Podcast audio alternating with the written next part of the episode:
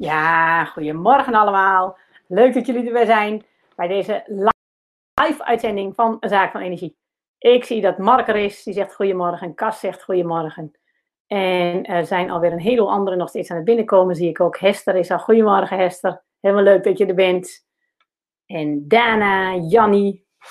Gezellig weer, we gaan lekker aan de slag. Janneke zegt ook goedemorgen, helemaal leuk. Nou, we gaan weer aan de slag. Vandaag een, uh, een mooie aflevering, hoop ik van, uh, we gaan het hebben over marketing vanuit overvloed. En hoe zit dat eigenlijk precies? Wat is marketing? Wat is overvloed? Wat is schaarste? We hebben het er al volop over gehad hè? in uh, de Zaak van Energie-serie. En als je daar meer over wil weten, kijk dan met name ook naar de eerste twee afleveringen. Daar heb ik al een boel basisdingen over energie uitgelegd. Ik ga daar vandaag heel kort opnieuw wat over vertellen, maar in die eerste afleveringen heb ik het veel uitgebreider verteld. En daar gaan we vandaag volop op door en dan gaan we het specifiek hebben dus over Marketing vanuit overvloed. Hoe doe je dat nou eigenlijk? Nog meer mensen binnenkomen. Lily zegt ook nog goedemorgen. Leuk dat je er weer bent. En uh, dan gaan we lekker aan de slag. Ik ga even nog uh, zwaaien naar jullie en dan zet ik de camera uit, want uh, dat leidt mijzelf altijd ongelooflijk af. Zo, maken we daar een fotootje van. En dan vervangen we dit nog even door die modus voor de opname. Zo, er staat alles goed. Jolanda zegt ook nog goedemorgen. Welkom, leuk dat je er bent. Goed, dan gaan we lekker beginnen. Gaan we aan de slag. Mooi onderwerp vandaag. En een paar leuke vragen binnengekregen via de mail. Dus daar gaan we ook op straks. We gaan er weer een leuke aflevering van maken. Hoop ik. Ik ga mijn best doen. Vandaag gaan we het dus hebben over marketing vanuit overvloed. Ik ga jullie daar een aantal tips en adviezen over geven. Met name ook om te leren waarnemen om te zien van wanneer is, doen mensen marketing vanuit overvloed, wanneer vanuit schaarste. Er zit vaak ook een mix in. Je ziet ook wel dat mensen vaak een mix hebben in hun marketing. Maar uh, het is heel leuk als je dat gaat herkennen. Het is ook leuk als je gaat herkennen wat dat met jou doet en met jouw energie. En ook als je zelf marketing doet. Het is niet alleen als je marketing ontvangt vanuit grote partijen als consument, maar ook als je marketing doet. Is het heel leuk om te gaan zien van um, hoe zit dat eigenlijk met die energie van de marketing? Wat zit daaronder? Wat doet dat met je? Wat doet het ook met jou? Ook als je zelf hem marketing doet als ondernemer. En het is heel goed om dat te gaan voelen en ook om een aantal mechanismes daarin te gaan herkennen. En um, wat eigenlijk bij deze hele serie geldt, maar dat geldt ook zeker voor deze aflevering, is geloof mij niet. Nee, zie mijn verhaal gewoon als inspiratie, als een mogelijke idee, hè, zoals je als wetenschapper zegt, een hypothese, werkhypothese. Maar ga het zelf testen. En ga zelf uitproberen of het voor jou ook zo werkt. Ga zelf kijken hoe jij dat ervaart. Um, en natuurlijk zul je dan hopelijk ontdekken dat je een heleboel van wat ik zeg gewoon kunt geloven en dat dat zo blijkt te werken. Maar er kunnen ook altijd dingen zijn die voor jou anders zijn, voor jou anders werken. En ik denk dat dat een heel belangrijk uh, criterium is als je naar andere mensen luistert. Hè. Dat geldt eigenlijk voor elke docent, elke meester die je volgt. Um, volg die meester niet blindelings. Maar zie die meester als een werkhypothese en met, met mogelijke ideeën, met mogelijke suggesties waar jij je voordeel mee kunt doen, maar blijf zelf dat uh, toetsen en uitproberen. Nou, waarom is dat nou zo belangrijk? Eh, nou, we hebben dit plaatje hebben we heel vaak in beeld, hè, over de, de, hoge energie, zelf proactief zijn, hè, bewust uh, scheppen en vanuit lage energie dan ervaringen als reactief, hè, buiten je om. En zo kun je ook omgaan met mensen die jou dingen kunnen leren. Als jij in je lage energie zit, dan uh, neem je vaak weinig verantwoordelijkheid. En dan ben je bijvoorbeeld geneigd om te denken dat een meester of iemand die jou dingen leert, um, alles weet. En kun je je daarin dus ook heel reactief opstellen. Terwijl als jij in de hogere energie zit, dan heb je nog steeds mensen die jou van alles kunnen leren en kunnen inspireren. Maar dan neem je daar ook veel meer je eigen verantwoordelijkheid voor. En dan is het jouw leertraject, jouw inspiratie. En dan bepaal jij van hoe ga ik om met dat wat anderen mij leren. Dus vandaar ook mijn opmerking van um, geloof mij niet. Maar ga het zelf testen.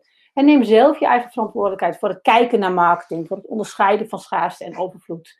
En voor het, het leren voelen van schaarste en overvloed. En dat gaan, dat gaan waarnemen hoe dat precies werkt. Neem daar je eigen verantwoordelijkheid in. Doe dat lekker op jouw manier. En natuurlijk mag je dan uh, hè, de afleveringen van de zaak van energie volop als inspiratie gebruiken. En dat is hartstikke leuk. Maar word daar dus niet reactief in. En ga dus niet steeds denken van Elle weet het wel. Of zoals Elle het zegt, is het precies zo? Ja, dat zou zo kunnen zijn, maar het kan voor jou ook anders zijn. Hè? Hou daarin je eigen verantwoordelijkheid. Nou, wat ik bij elke aflevering zeg, iedereen wil graag lekker werken met volop energie. En dat wil jij ook. Hè? Jij wil ook graag je werk doen vanuit overvloed en vanuit plezier en enthousiasme. Maar soms vliegen we allemaal gewoon nog even uit de bocht. En dat uit de bocht vliegen, dat kan soms lang duren, drie jaar. als je een burn-out hebt, of uh, drie maanden. Kan ook kort duren, drie minuten, 30 seconden, een half uurtje. Het leuke is, hoe meer je van die energie gaat begrijpen en snappen, hoe meer je op dat zacht werken doorkrijgt, hoe korter je uit de bocht vliegt. Het leuke is ook, daar kun je ook ontzettend veel over leren. En dan ga je dus ook ontdekken dat dat uit de bocht vliegen ook iets is waarin jij je verantwoordelijkheid kunt nemen. En dat dat niet iets is wat je overkomt. Of dat ligt niet aan die vervelende andere mensen. Nee, dat is iets waarin jij je weg kunt vinden, waarin jij je verantwoordelijkheid kunt nemen. Waarin jij ervoor kunt zorgen dat je steeds vaker de wereld ervaart vanuit overvloed. In plaats van vanuit ploeteren en schaarste. Of je werk kunt doen vanuit ontspanning. En op een uh, ontspannen manier over uitdagingen kunt nadenken en kansen kunt zien. In plaats van alsmaar te lopen, rennen en vliegen. En die energie die blijft uit de bocht vliegen. Kan ik je tenminste garanderen. Maar in ieder geval wat ik veel ervaar. Ook mijn energie vliegt soms even uit de bocht. Ben ik het zacht werken ook weer even helemaal kwijt. Maar ik kan me dan steeds sneller hervinden. Waardoor ik ook niet meer zo diep dip als het om energie gaat. En mijn energie zit vaker in een hoge range. En die beweegt nog steeds op en neer gedurende de dag, tussen de dagen gedurende de weken, binnen de maanden. Maar die dips zijn veel minder diep dan vroeger en de pieken zijn ook veel hoger. Dus dat is leuk, dat je hele energiezone omhoog schuift. En dat is vooral heel leuk als je gaat beseffen dat je dat zelf kunt doen. En dat ligt niet aan je baas, aan je partner, aan je ouders. Daar heb je zelf de hand in, dat kun je zelf doen. Maar hoe je dat dan doet, daar wil ik je graag wat meer over vertellen. Want met die goede zorg voor jouw energie kun je je werk gewoon veel beter doen. En heel belangrijk daarbij, als je naar jezelf gaat kijken, ben je vaak geneigd, als het spannend wordt voor je ego, voor je ikje, om uh, die energie af te leiden, om het buiten jezelf te leggen. En dat noem ik de bliksemafleider. als het spannend wordt, dan kijk je niet naar jezelf, dan zeg je, goh, wat Elle vandaag zegt, interessant, dat zou die in zijn marketing anders moeten doen, of dat zou die anders moeten doen, of dat zou daar. Ja, en dan ben je dus niet meer naar jezelf aan het kijken. Dus ga dat mechanisme snappen. En ga snappen dat als die bliksemafleider optreedt, dat je dan niet naar jezelf kijkt, dat je buiten jezelf kijkt. En dat er dan dus op dat moment juist vaak voor jezelf heel veel te leren is. Dus hou het bij jezelf. Voor vandaag gaan we die uh, energiekennis, die energiewijsheid, gaan we toepassen op overvloed en schaarste in marketing. Hoe zit dat nou precies? Hoe werkt dat precies? En uh, hoe kunnen we dat nou gaan toepassen in ons eigen dagelijks leven? Daarbij ga ik deze twee plaatjes veel gebruiken. Het zijn uh, twee foto's die ik zelf gemaakt heb in het Louvre. Um, en de ene, het zijn natuurlijk beide prachtige beelden uh, in een uh, paleis vol overvloed, het, uh, het Louvre. allemaal een prachtige plek in de wereld. Maar toch ga ik een van de twee plaatjes een beetje als symbool zien voor de schaarste.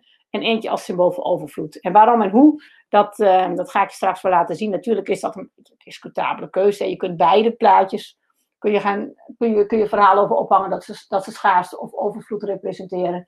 Maar ik um, gebruik dit beeld erbij, omdat ik niet alleen talig met je wil communiceren, maar ook via beelden en associaties. En dan helpen die plaatjes om je uh, bepaalde associaties te laten zien en overbrengen. En als je niet naar de plaatjes kijkt, maar alleen luistert, is het ook helemaal goed. Dat, uh, dat kan ook prima. Dan kun je ook nog even op YouTube kijken. Daar staat uh, deze hele aflevering ook integraal met plaatjes. Dus dan kun je altijd de plaatjes er nog bij zoeken.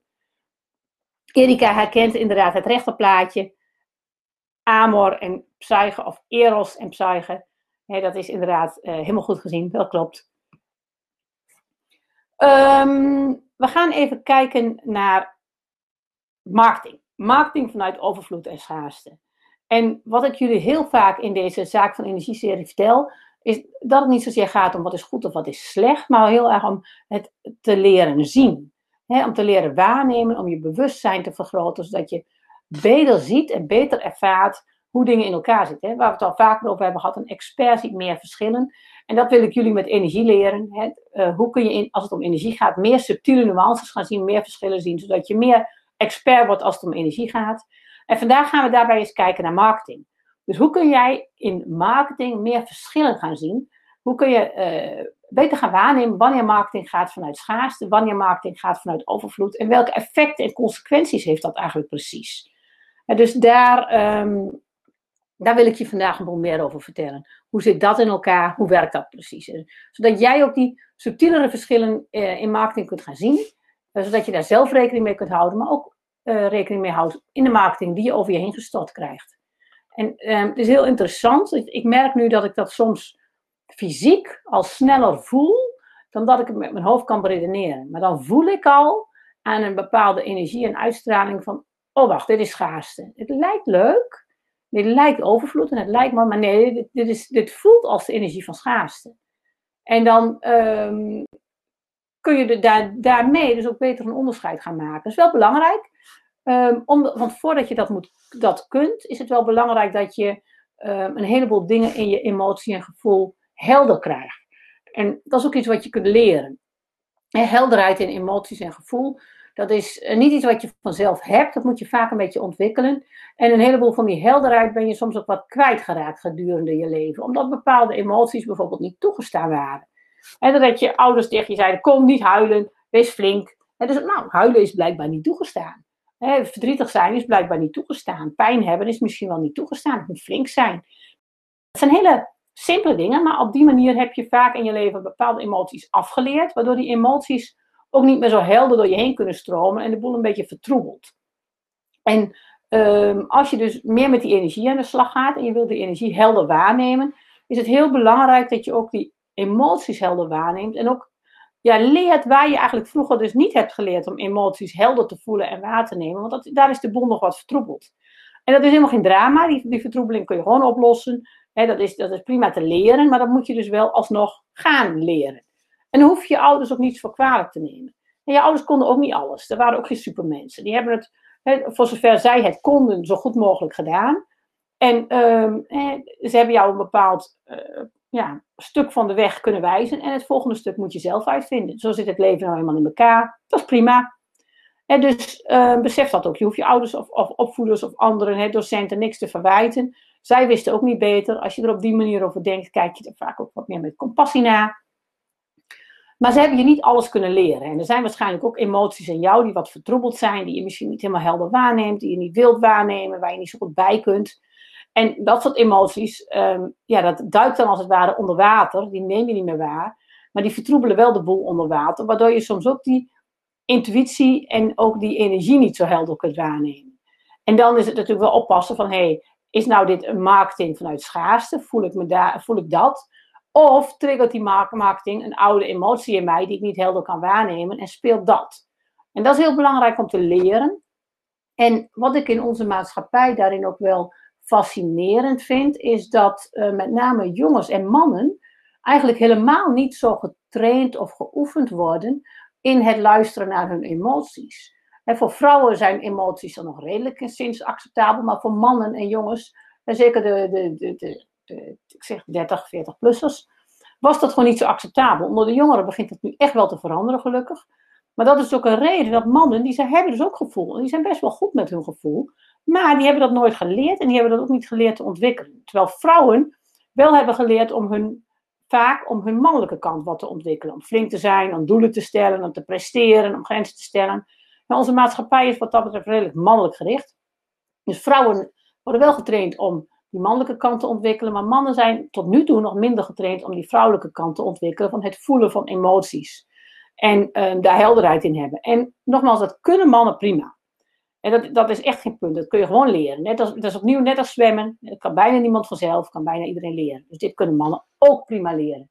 En ik denk dat we dus ook naar een interessante ontwikkeling gaan in onze maatschappij. Dat mannen dat uh, leren voelen van die emoties en daarmee omgaan. Dus ook veel meer nog gaan leren. En dat is wel een belangrijke. Als je dus die energie wil leren voelen en daar helderheid in wil hebben, ook als het gaat om marketing, is het ook belangrijk dat je helderheid hebt in die emoties. Nou, voordat we in de marketing duiken, nog heel even het, uh, het plaatje van de niveaus van energie. Nou, als je hoog in die energie zit, dan zit je in de energie van overvloed, kansen. Hè, je voelt plezier, je bent aan het bouwen, je bent proactief, je neemt verantwoordelijkheid je, je wil groeien, je wordt je ook steeds bewuster. Je hebt, voelt heel vaak dingen als enthousiasme, liefde, passie, lol. Dat hoort allemaal bij die hoge energie. Als je in de lage energie zit, dan zit je veel meer in de wereld van reactief. Er zijn er problemen, opgaven, je voelt je slachtoffer. Maar je zit ook in een wereld van concurrentie, van winnen of verliezen. Je voelt druk, schaarste, tekort, crisis, krimp, kosten, spannend. Um, dat is veel meer de, de energie vanuit, vanuit schaarste, hoe je dan de wereld ervaart. Nou, en wat interessant is, is dat die energie van schaarste en van overvloed, die zitten ook allebei in marketing.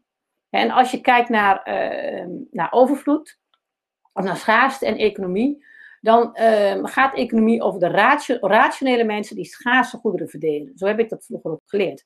Ja, eigenlijk is dit puur dus ook een schaarste, e-, schaarste energiedefinitie. Nou, als je op deze manier naar economie kijkt, de rationele, rationele mensen die schaarse goederen verdelen, dat zit heel erg hier. Maar je kunt ook met de blik van overvloed naar economie kijken. En dan gaat het om iets heel anders. Dan gaat het om intuïtieve mensen die creatieve overvloed scheppen. Voor zichzelf en voor anderen. En dan heb je het ook over economie, maar dan heb je het over iets heel anders. Dat is heel interessant. De economie kun je dus bekijken vanuit de energie van schaarste en van overvloed. En de energie van schaarste, dan lijkt die economie wel op zo'n zo'n kastanje in een bolstel met scherpe prikkels. Oeh, pas op, doet pijn, auw, lastig, gevaarlijk, ingewikkeld. Terwijl de energie van overvloed, dat is zo'n mandje vol glimmende mooie kastanjes. En dat is dus ook pure overvloed. Want als je naar dat mandje kijkt, hè, hoeveel mandjes heb je nodig voor een kastanjeboom? Ja, misschien maar eentje. Als je, als je één zo'n kastanje in de grond stopt op de goede plek en die gedijt goed, dan komt daar een kastanjeboom met weer eindeloos veel kastanjes. Hier zie je ook al een mooie wet van die economie van overvloed. Het is dus helemaal niet de bedoeling dat al die kastanjes bomen worden, want dan heb je veel te veel bomen. Het is de bedoeling dat een paar van die kastanjes worden opgegeten door de zwijnen of de varkens, dat ze een beetje vergaan. Dat, er, dat een aantal van die kastanjes uitkomen tot sprietjes die de reeën kunnen eten. En nog wat andere groeien wat hoger tot bomen, waarin de vogeltjes kunnen nestelen, maar die ook weer voeding zijn. En dus um, dan zie je ook zo'n economie van overvloed.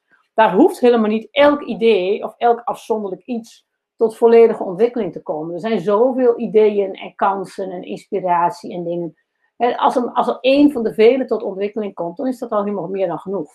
Terwijl je in die economie van schaarste denkt van oeh, voorzichtig, pas op. die ene kans, die moet het wat worden. En hier kun je daar veel, in die economie van overvloed, kun je daar veel losser naar kijken.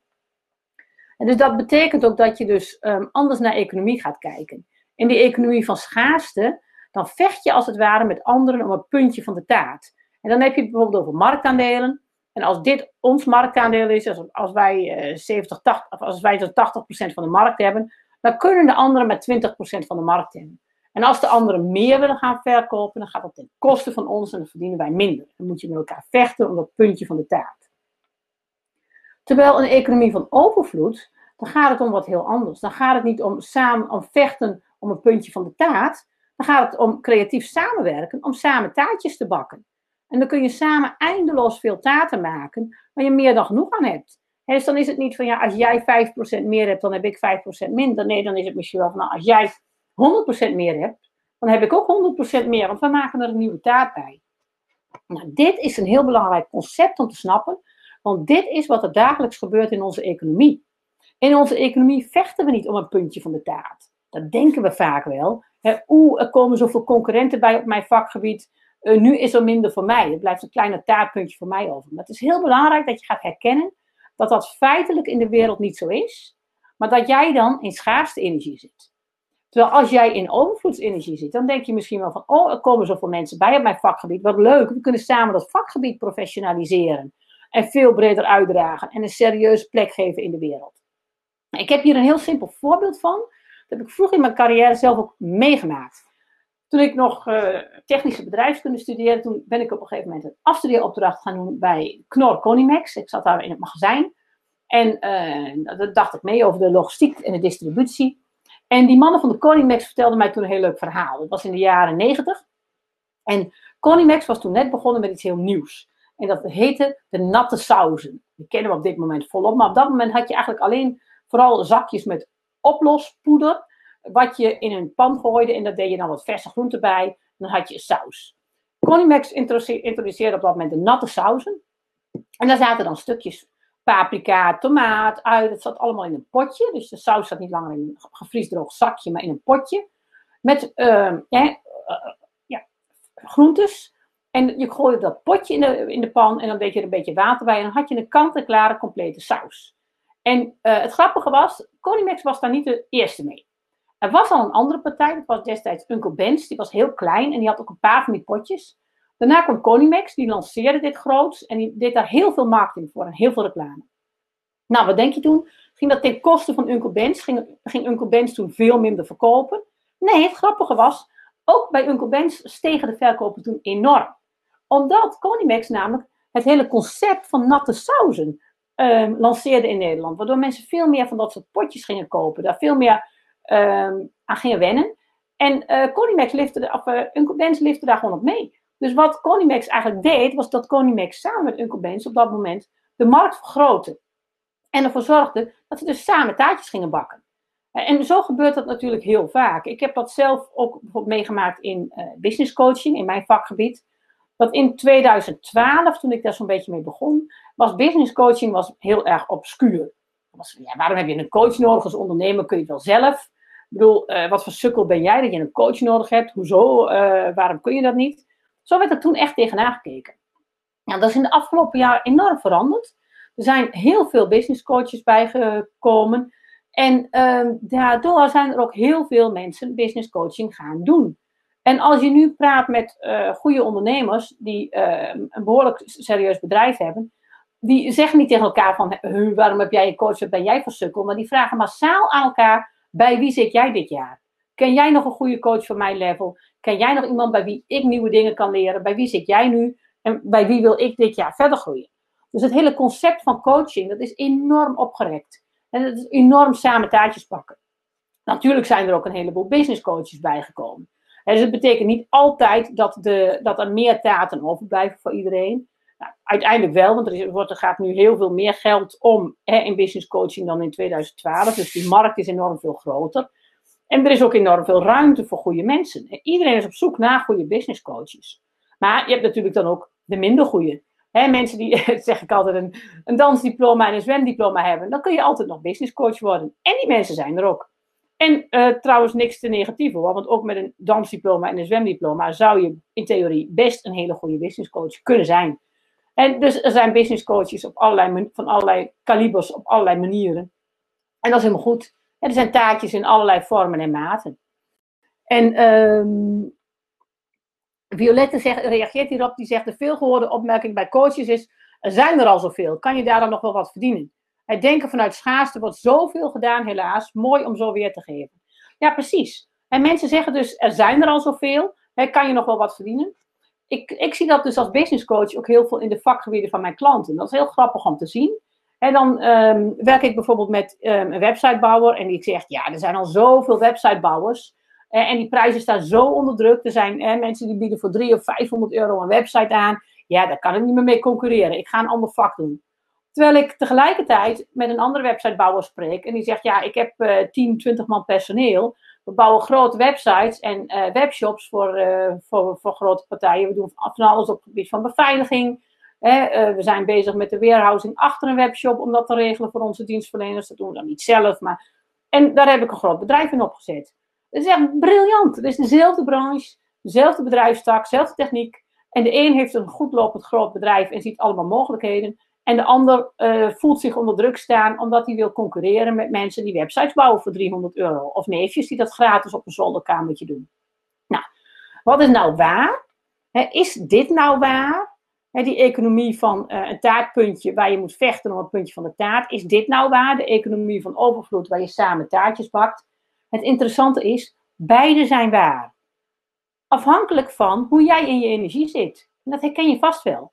Als jij een lekker weekend hebt gehad, je bent buiten geweest, je hebt ontspannen, je hebt een paar inspirerende mensen om je heen gehad en je wordt op maandagochtend wakker, dan heb je soms zomaar een heel goed idee voor je bedrijf. Of dan denk je, goh, in mijn werk, waar ik vorige week nog zo tegenaan liep, die problemen, nee hoor, gaan we lekker oplossen, ga ik anders doen.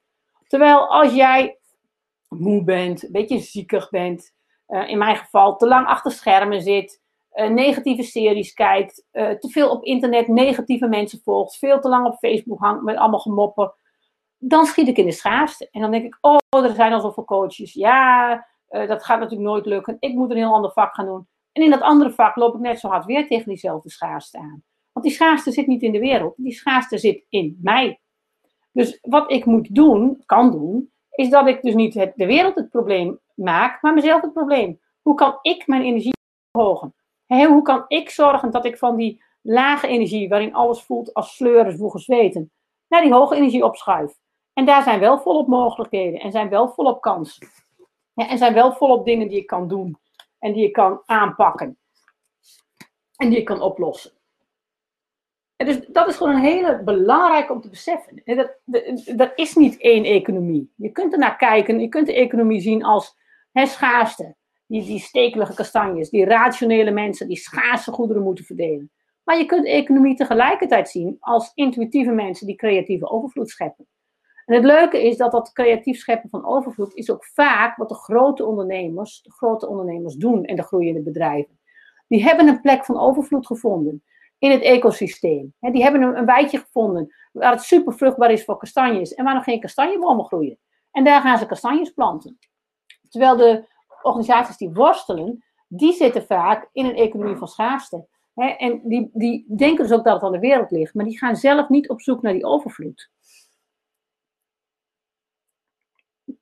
Lily die moet lachen, die zegt, oh wat vind ik dit weer inzichtelijk. Mijn energie gaat weer naar groen. Super fijn.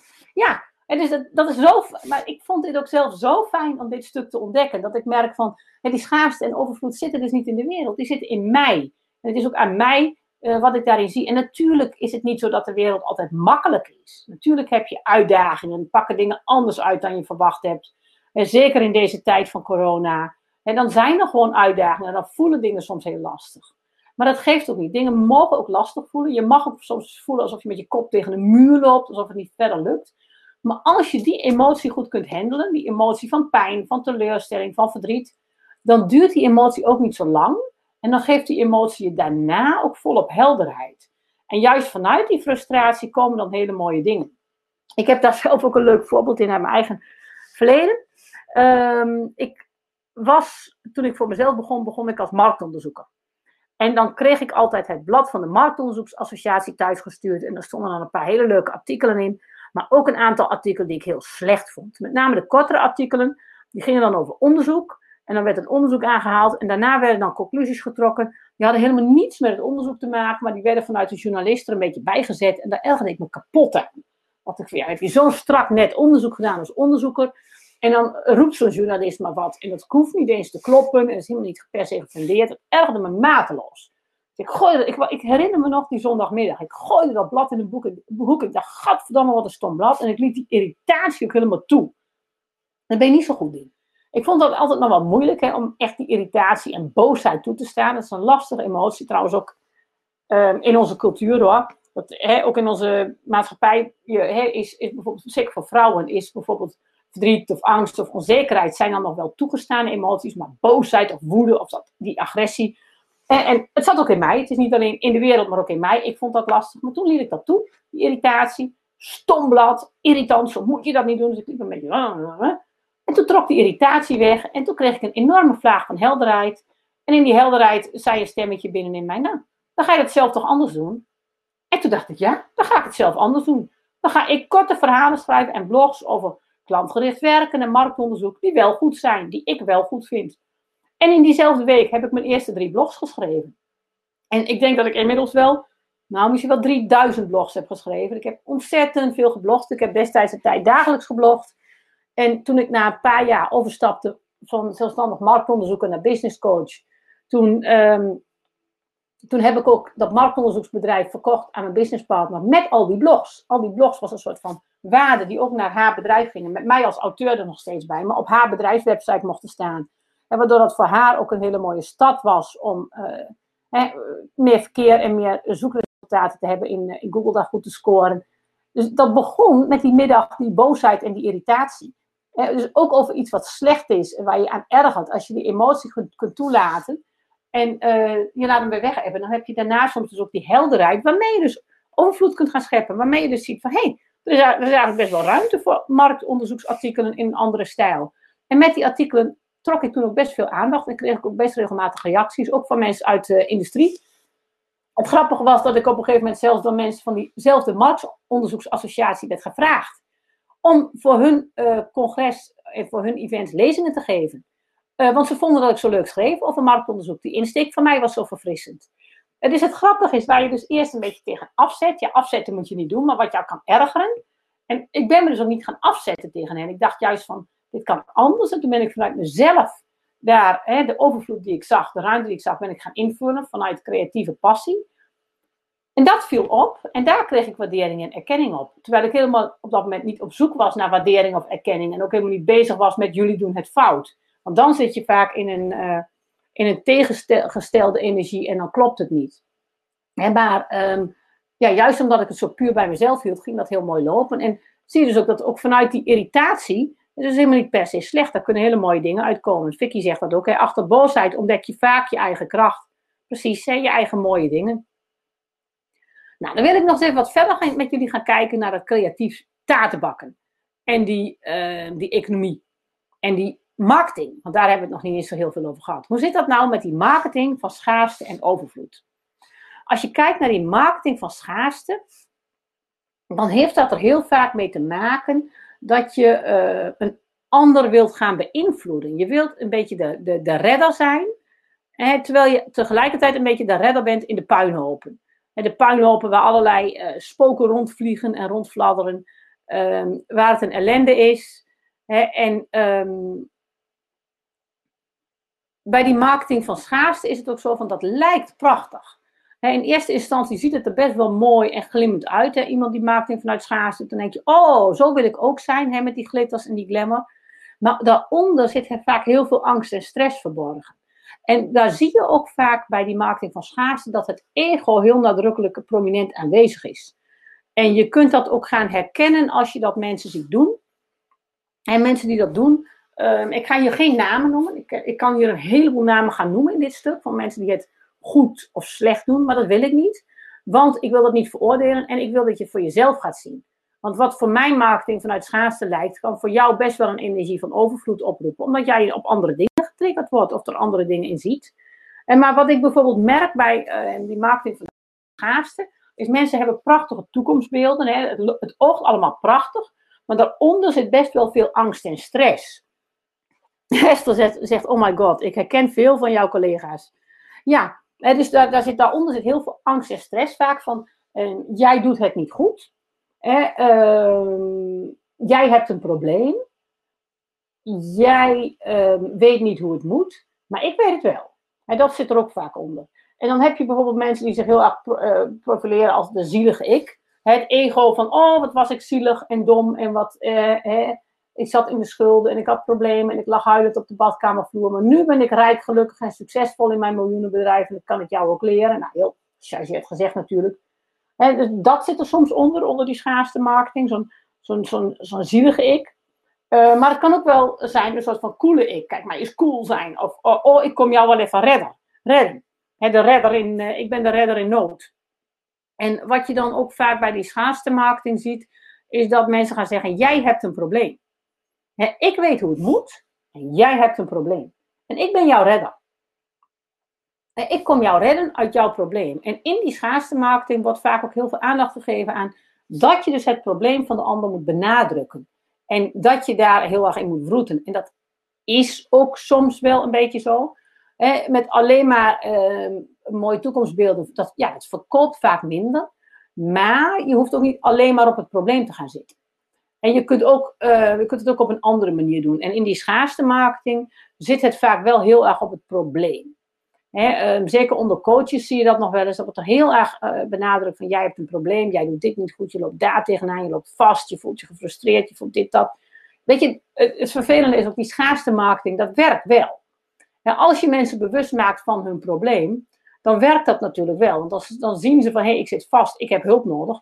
En dan zijn ze daarna, staan ze heel erg open voor de redder. De redder die mij uit dat probleem komt uh, redden. En die mijn wereld gaat veranderen. En die het, die het allemaal uh, mooi, fijn en gelukkig voor me maakt. En um, dat is natuurlijk niet helemaal terecht. Want op het moment dat jij een ander gaat zien als jouw redder, dan um, ga je ook de wijsheid buiten jezelf zoeken. En natuurlijk kunnen anderen jou helpen en inspireren. Maar het is wat anders dan dat jij de ander nodig hebt, omdat je het zelf niet kunt. En daarom heb ik ook dit plaatje gepakt voor die schaarste dit is een beetje zo'n zo'n held op een voetstuk. Met de hand omhoog, die jou zegent, die jou wel wil redden. Hè, die jou komt helpen. En uh, ik weet even niet of het plaatje zo bedoeld is. Waar Erika zegt, is dit Athena? Ik weet het niet meer wie dit was. En dat doet er ook niet zo toe. Waar het om gaat is dat ik dit plaatje wilde laten zien als een soort van de valse redder die op een voetstuk voor jou staat. Die jou wil redden. En die, ehm, die doet alsof hij jou kan redden. En dat is een, een, een soort ehm, ja, valse schaarste marketing, vind ik. Um, wat, wat zijn nog wat meer dingen die bij die scha schaarste marketing heel erg spelen? Is bij schaarste marketing wordt er ook geprobeerd om jou een gevoel van urgentie te geven. Van je moet nu beslissen. Het is nu of nooit. En um, natuurlijk is dat ook wel een techniek die werkt. Want als je mensen geen deadline geeft, dan stellen ze het uit en dan uh, nemen ze geen besluit. En dan help je ze soms ook niet echt. Maar soms hebben mensen ook gewoon tijd nodig. Ik ben nu bijvoorbeeld met een hele leuke cliënt aan het werken, die uh, volgens mij een jaar, anderhalf jaar geleden alles bij een event van mij zat. Ik weet nog waar ze zat. Ze zat voor in de zaal, stelde veel vragen, leuke dingen. En na dat event uh, baalde ik er ook haast van dat ze niet in mijn groep was gestapt. Of haast, daar baalde ik helemaal van. Ik dacht van, goh, zo'n leuk mens, die zou ik zo graag willen helpen. En nu is ze er alsnog. En daar leer ik ook weer van. Dan leer ik ook van, ja, in die overvloedmarketing, als ik dus die klik voel, dan komt het wel. En dan hoeft het niet nu. En dan hoef ik ook niet mensen nu te pushen om nu een stap te zetten. Maar dat zie je wel veel in die schaarste marketing. En dan word je gepusht, dan moet, moet het nu. En uh, jij hebt een probleem. Er zit ook vaker wat agressief moeten achter. En wat ik fascinerend vind bij die schaarste marketing, is dat ik bij de, degenen die die marketing doen, ik ken heel veel mensen in Nederland die coaching geven. Ik ken een aantal grote namen met grote e-maillijsten, die veel adverteren, die veel op het podium staan, die bekend zijn. Ik ga ook geen namen noemen hier, want uh, dat is gewoon vertrouwelijk. Maar ik ken ze, ik ken hun bedrijven, ik weet wat er achter de schermen gebeurt. En wat je dan soms ziet, is dat mensen ook een soort hollebolle syndroom ontwikkelen. Ze hebben nooit genoeg. En ze worden zelf ook een beetje gedreven door een angst. Terwijl ze al heel erg goed draaien en heel veel verdienen. Maar daarbij groeien ook hun kosten en hun uitgaven en hun team en hun verplichtingen. Waarmee ze dus ook eigenlijk steeds meer nodig hebben en meer moeten. En ze helemaal niet per se ontspannen zijn. En zo sprak ik een, eh, een, paar jaar geleden met een ondernemer die al heel lang graag een, uh, een miljoen omzet wilde hebben. Dat had hij gehaald dat jaar. En uh, hij had het een hele jaar over gehad. Van, ik wil graag een miljoen, ik wil graag een miljoen. Dat had hij gehaald. En, uh, maar dat had hij niet verteld. Dus ik kwam hem op een gegeven moment tegen. We het over een aantal dingen gehad. En toen vroeg ik aan hem van, maar het is nu eind van het jaar. Je hebt het hele jaar gezegd dat je een miljoen wilde halen. Gaat dat eigenlijk lukken dit jaar? En ik vond het best wel een brutale vraag. Ik dacht van, poeh, vraag zo. Nou, misschien is het wel helemaal niet gelukt. Helemaal niet leuk voor hem dat ik er naar vraag. Dus hij keek maar en hij zegt, ja, tuurlijk, dat miljoen, dat heb ik nu al. Het is november, dat, eh, dat, heb ik al binnen. En uh, hij praat in één zin door, en volgend jaar wil ik 2 miljoen. Dan ben ik al keihard voor aan het werken, ik ben alles aan het klaarleggen, volgend jaar wil ik voor 2 miljoen gaan. En toen dacht ik echt van, jeetje, je hebt het hele jaar gehad over dat miljoen, dat was je doel, daar wilde je voor gaan. En dat heb je nu, en ik hoor je er niet over. Je viert het niet, je noemt het niet, je, je bent nu al bezig met de volgende stap. En dat is dus een voorbeeld van een hollebolle syndroom. Kijk, natuurlijk zijn doelen leuk. En natuurlijk is het leuk om ergens naartoe te werken. Maar waar, waar ik heel erg voor op moet passen, is als ik zo'n doel stel, is dat het een hol doel wordt. Dat ik, uh, ja, het wordt iets wat ik buiten mezelf leg, waarmee ik ook buiten mezelf ga werken. Ik word dan een soort van wrokkig, gierig, jaloersig. Ik schiet van dat soort doelen echt in, in mijn schaarste energie. Het is voor mij gewoon niet goed. En dat zag ik ook bij die ondernemer gebeuren. Die vierde helemaal zijn succes niet. En uh, hij voelde, het voelde ook helemaal niet voldaan. Hij was alweer bezig met het volgende doel. Net een beetje zo'n zo'n ezeltje uh, achter een kar, voor een kar, die steeds zo'n wortel voorhoudt. Die maar blijft lopen naar die wortel, terwijl hij die wortel nooit bereikt. En dat gevoel heb ik dan soms bij dat soort lege doelen. En het hoeft natuurlijk niet. Hè. Je kunt een doel ook vanuit overvloed stellen en uh, voldaan maken. Maar ik zie dat dus heel veel bij die schaarste marketing. Dat mensen anderen pushen uh, met zo'n zo'n zo'n reddersyndroom. Jij kunt het niet zelf, ik wil jou redden. Uh, er zit ook vaak wat agressief moeten in. Je moet nu beslissen. En daar zit dus ook voor hunzelf vaak dat hollebolle gijs-syndroom onder. Dat nooit genoeg, dat angst hebben. En daarbij hoort dus ook dat, dat die mindset van dat padje van de taart. Dat knokken om een puntje van de taart. In plaats van er is genoeg. er zit dus ook vaak een verkramping op geld. Een, een, gevoel van tekort. Maar ook een, een soort van tekort en verkramping in de ziel. Daar had ik het een, eh, een half jaar geleden over met een, eh, een vriend van me. Die ook veel in marketing doet en uh, goed lopend bedrijf heeft en veel met goede ondernemers werkt. En hij zei ook van, ja, natuurlijk zit er heel veel ego onder Ellen en heel veel onzekerheid.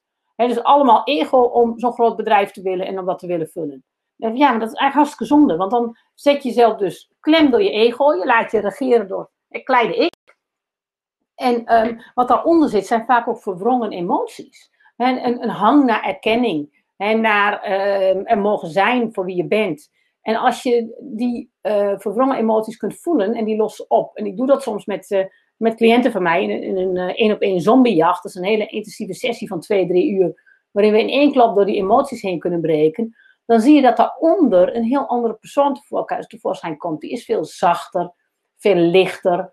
Um, daar, daar, ja, die, die hoeft niet meer zo hard en verkrampt. Die kan, die kan veel rustiger. En uh, die heeft dan ook met aan hele andere dingen genoeg. En dan is het ook genoeg is genoeg. Maar dan ervaar je ook die enorme overvloed. En bij die schaarste marketing is het dan ook net alsof je die fuik inzwemt van het hollebolle. Je moet steeds meer. En daar zit ook vaak een continue stress en adrenaline onder. Een continue opwinding, jezelf pushen, jezelf opjagen. Weer een volgend doel, weer een volgende lancering, weer een volgende kick. In plaats van die voldane ontspanning. En um, zijn ook vaak, je ziet het ook vaak aan de mensen zelf. Ze zijn zichzelf aan het pushen. En je moet. Ze maken ook cafeetjes van anders dan. En zo houden ze zichzelf maar in beweging. Zo blijven ze maar rennen. En, en dan hoor je ze ook dingen zeggen. Bijvoorbeeld, ze zeggen zelf dingen van je moet zichtbaar zijn. Anders vergeten ze je. ook in deze coronatijd, je moet zichtbaar zijn. Er zit heel veel angst en stress onder. En er zit vaak ook wel een, een beetje onder van dat boven je klant willen staan, boven de ander willen staan. Ik ben de redder, ik vertel jou hoe het moet. Nou, ik zie een heleboel reacties van jullie in de chat, daar ga ik even naar kijken. Hè, um, Hester zegt, oh ja, die business coaches die praten je ambities aan die je zou moeten hebben. Terwijl ik gewoon mooie dingen wil doen. Met en voor mensen. Ja, precies. Hè, dus, en natuurlijk is er niks mis met ambities. Dat is helemaal goed. Maar als jij die ambitie niet hebt van een bedrijf van een ton of een miljoen, dan is het ook helemaal goed om dat niet te hebben.